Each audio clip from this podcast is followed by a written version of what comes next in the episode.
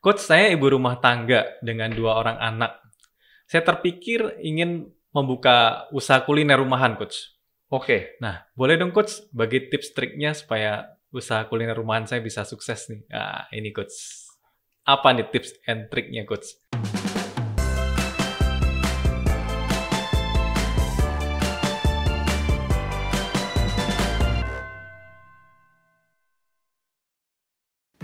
Video ini dipersembahkan oleh Kospin Sumber Rizki, solusi dana multiguna, cepat, ringan, dan mudah. Usaha kuliner rumahan, gimana cara bisa sukses?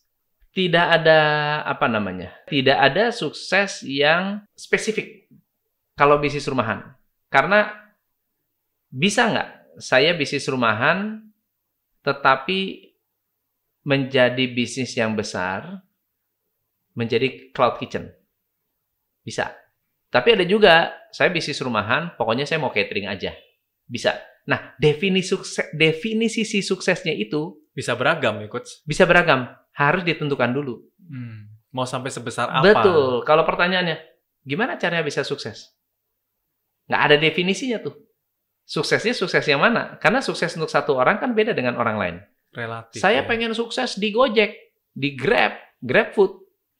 Dengan saya mau sukses bisnis rumahan catering. Hmm. Saya mau sukses bisnis rumahan yang nantinya jadi resto.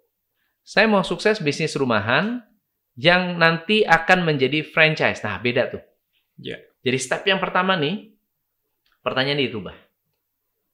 Bagaimana cara bisnis rumahan saya menjadi sukses seperti siapa? Itu yang pertama. Seperti siapa dulu? Oh, seperti McDonald. Oh, ya udah. Caranya nanti jalurnya beda. Ada Dengan- modelnya dulu. Ah, cari model dulu, cari cari cari contekan, cari contekan. Cari yang udah udah berhasil. Atau cari perusahaan-perusahaan yang dulunya rumahan. Banyak tuh Coach ya. Banyak, banyak, banyak.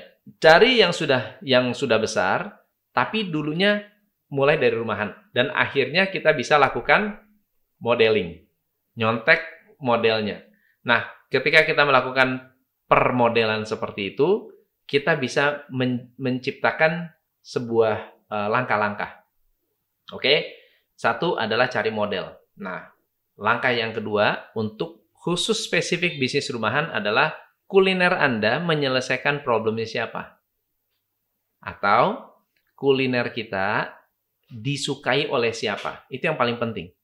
Misalnya kita tahu nih, makanan saya itu paling disukai sama anak-anak. Berarti tugas berikutnya apa? Mempromosikan produk kita ke anak-anak lainnya. Hmm. Anak-anak yang mana nih? Oh, anak-anak yang suka makanan berkuah. Oke, so cari tuh anak-anak yang suka makanan berkuah itu siapa? Anak ada mama saya bikin eh, catering juga, tapi sekarang udah enggak. Ya.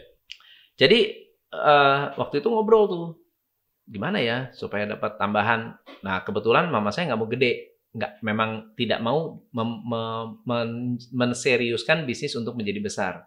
Waktu dulu jahit jahit menjahit sempat kita bikin agak besar, Eh, punya karyawan, bikin orderan eh, ribuan gitu ya.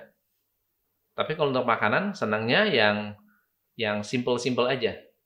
Karena pengen santai. Untung santai, eh, ordernya rutin, ya nggak stres. Hmm. Itu maunya. Ya udah spesifik kan. Itu adalah Di itu dianggap sukses. kunci gitu. suksesnya. Kunci suksesnya itu.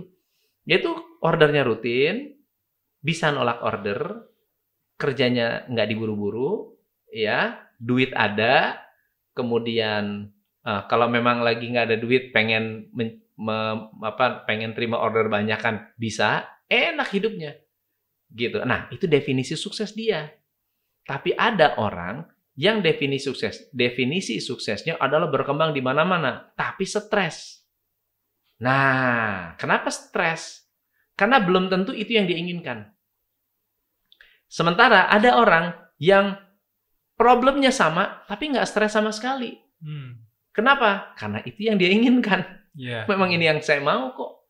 Ya kan? Stres ya wajar lah. Memang ini yang gue mau. Banyak order, sibuk banget, Banyak tapi order, enjoy gitu ya. Sibuk, tapi enjoy. Kok bisa sih lu?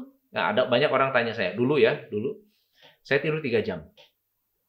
kerja pagi sampai malam, pagi sampai malam, tidur cuma tiga jam. Orang bilang gila lu ya, lu nggak tipes aja udah bagus gitu. Nggak tipes aja udah bagus. Terus pertanyaannya, nggak pernah sakit. Kok bisa gitu ya? Kok bisa ya? Lu nggak pernah sakit ya? Nggak pernah ada kedengeran sakit. Kalau sakit pun itu cuma sejam dua jam. Hmm. Pilek sejam dua jam, habis itu jalan lagi. Nggak pernah satu kali pun meleset. Misalnya contohnya hari ini Jakarta, Semarang, Jakarta, balik lagi. Besok Jakarta, Bali, Jakarta. PP tuh. Lusa, Jakarta, Makassar, Jakarta. Besok lagi. Wah, itu full tuh jadwal. Kok nggak sakit-sakit? Gitu. Kenapa? Itu yang gue mau. Kan gitu. Karena enjoy. Nah, itu yang gue mau. Iya. Itu suksesnya saya. Itu yang saya mau. Ada orang masak. Senang masak, senang. Tapi dapat order banyak, stres. Padahal harusnya nggak perlu stres. Kenapa? Ini kan saya mau. Iya. Gitu kan? Nah, pentingnya untuk menentukan definisi sukses menurut saya, menurut Anda. Dan pentingnya menentukan level kesibukan yang kita bisa toleran, toleransi. Ketika kita menemukan itu, ah nggak masalah. Nah, waktu saya mulai pertama kali di bisnis coaching, saya ingat banget ngobrol dengan salah satu uh, senior coach. Uh, kan dia tanya gini, kenapa lu mau jadi bisnis coach, gitu kan? Uh, bagaimana lu bisa sukses di bisnis coaching? Terus saya mengatakan begini, waktu saya training di Amerika, waktu saya mengambil franchise-nya di Amerika, itu ada banyak sekali orang yang punya target klien itu 2 sampai 3 klien per bulan. Hmm. Paling saya handle 2 3 udah happy.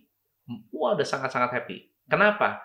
Karena buat mereka, mereka sudah sangat sibuk dengan dunia corporate. Sibuk dengan corporate world dan ingin punya pekerjaan di mana uh, skill mereka dihargai dan mereka tidak buang waktu banyak untuk uh, bekerja. Jadi kerja paling max itu seminggu. Tiga minggunya itu mereka mau relax, mau santai. Mereka mau bangun seenak mereka. Tapi mereka nggak mau, uh, uh, bukan berarti nggak mau nggak mau nggak punya duit ya. Karena dua tiga klien udah dibayar mahal sekali gitu. Nah lalu saya bilang sama dia, kalau definisi sukses saya, saya mau nolong sebanyak mungkin orang. Hmm. Definisi sukses saya adalah saya mau nolong sebanyak mungkin orang. Maka saya ciptakan satu juta miliarder di Indonesia. Kalau gue bisa nolong sebanyak mungkin orang, dibayar nggak dibayar pun, gue pasti nolong. Saya bilang gitu. Kalau memang gue harus kerja jam 7 pagi, tidur jam 12 malam, kalau bisa 24 jam, gue kerja nolong orang, gue nolong orang. Nggak dibayar pun gue mau. Hmm. Gue bisa mengcover istilah zaman dulu ya, bukan sekarang ya waktu itu. Saya punya satu klien mengcover gaji saya aja, buat saya itu sudah luar biasa. Sisanya gue mau melayani. Saya bilang gitu. Nah itu definisi sukses. Nggak dibayar pun nggak apa-apa. Tapi kan ternyata alam semesta nggak begitu. Alam semesta itu selalu mereward sebuah kerja keras.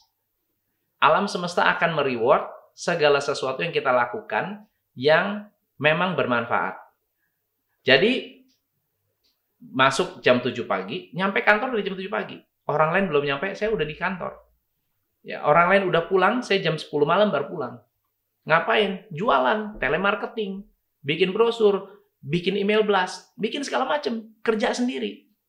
Terus uh, banyak orang bilang, ah lu ngoyo lu ngerjain gitu. Nggak apa-apa. Gue mau bantu orang kok.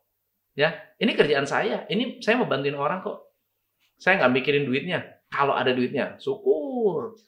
Kalau nggak ada duitnya, ya nggak apa-apa, memang bukan rezeki saya. Tapi pada kenyataannya, setelah kita bekerja keras, Tuhan itu nggak akan pernah melupakan effort kita. Apalagi dengan niat yang baik, kita pasti akan mendapatkan hasil yang baik juga. Sama dengan bisnis kuliner ibu. Sama dengan bisnis kuliner rumahan Anda. Jangan hanya berpikir saya mau besar sebesar apa tapi definisi definisi kesuksesan yang kita uh, inginkan jangan sampai bertolak belakang dengan apa yang kita upayakan.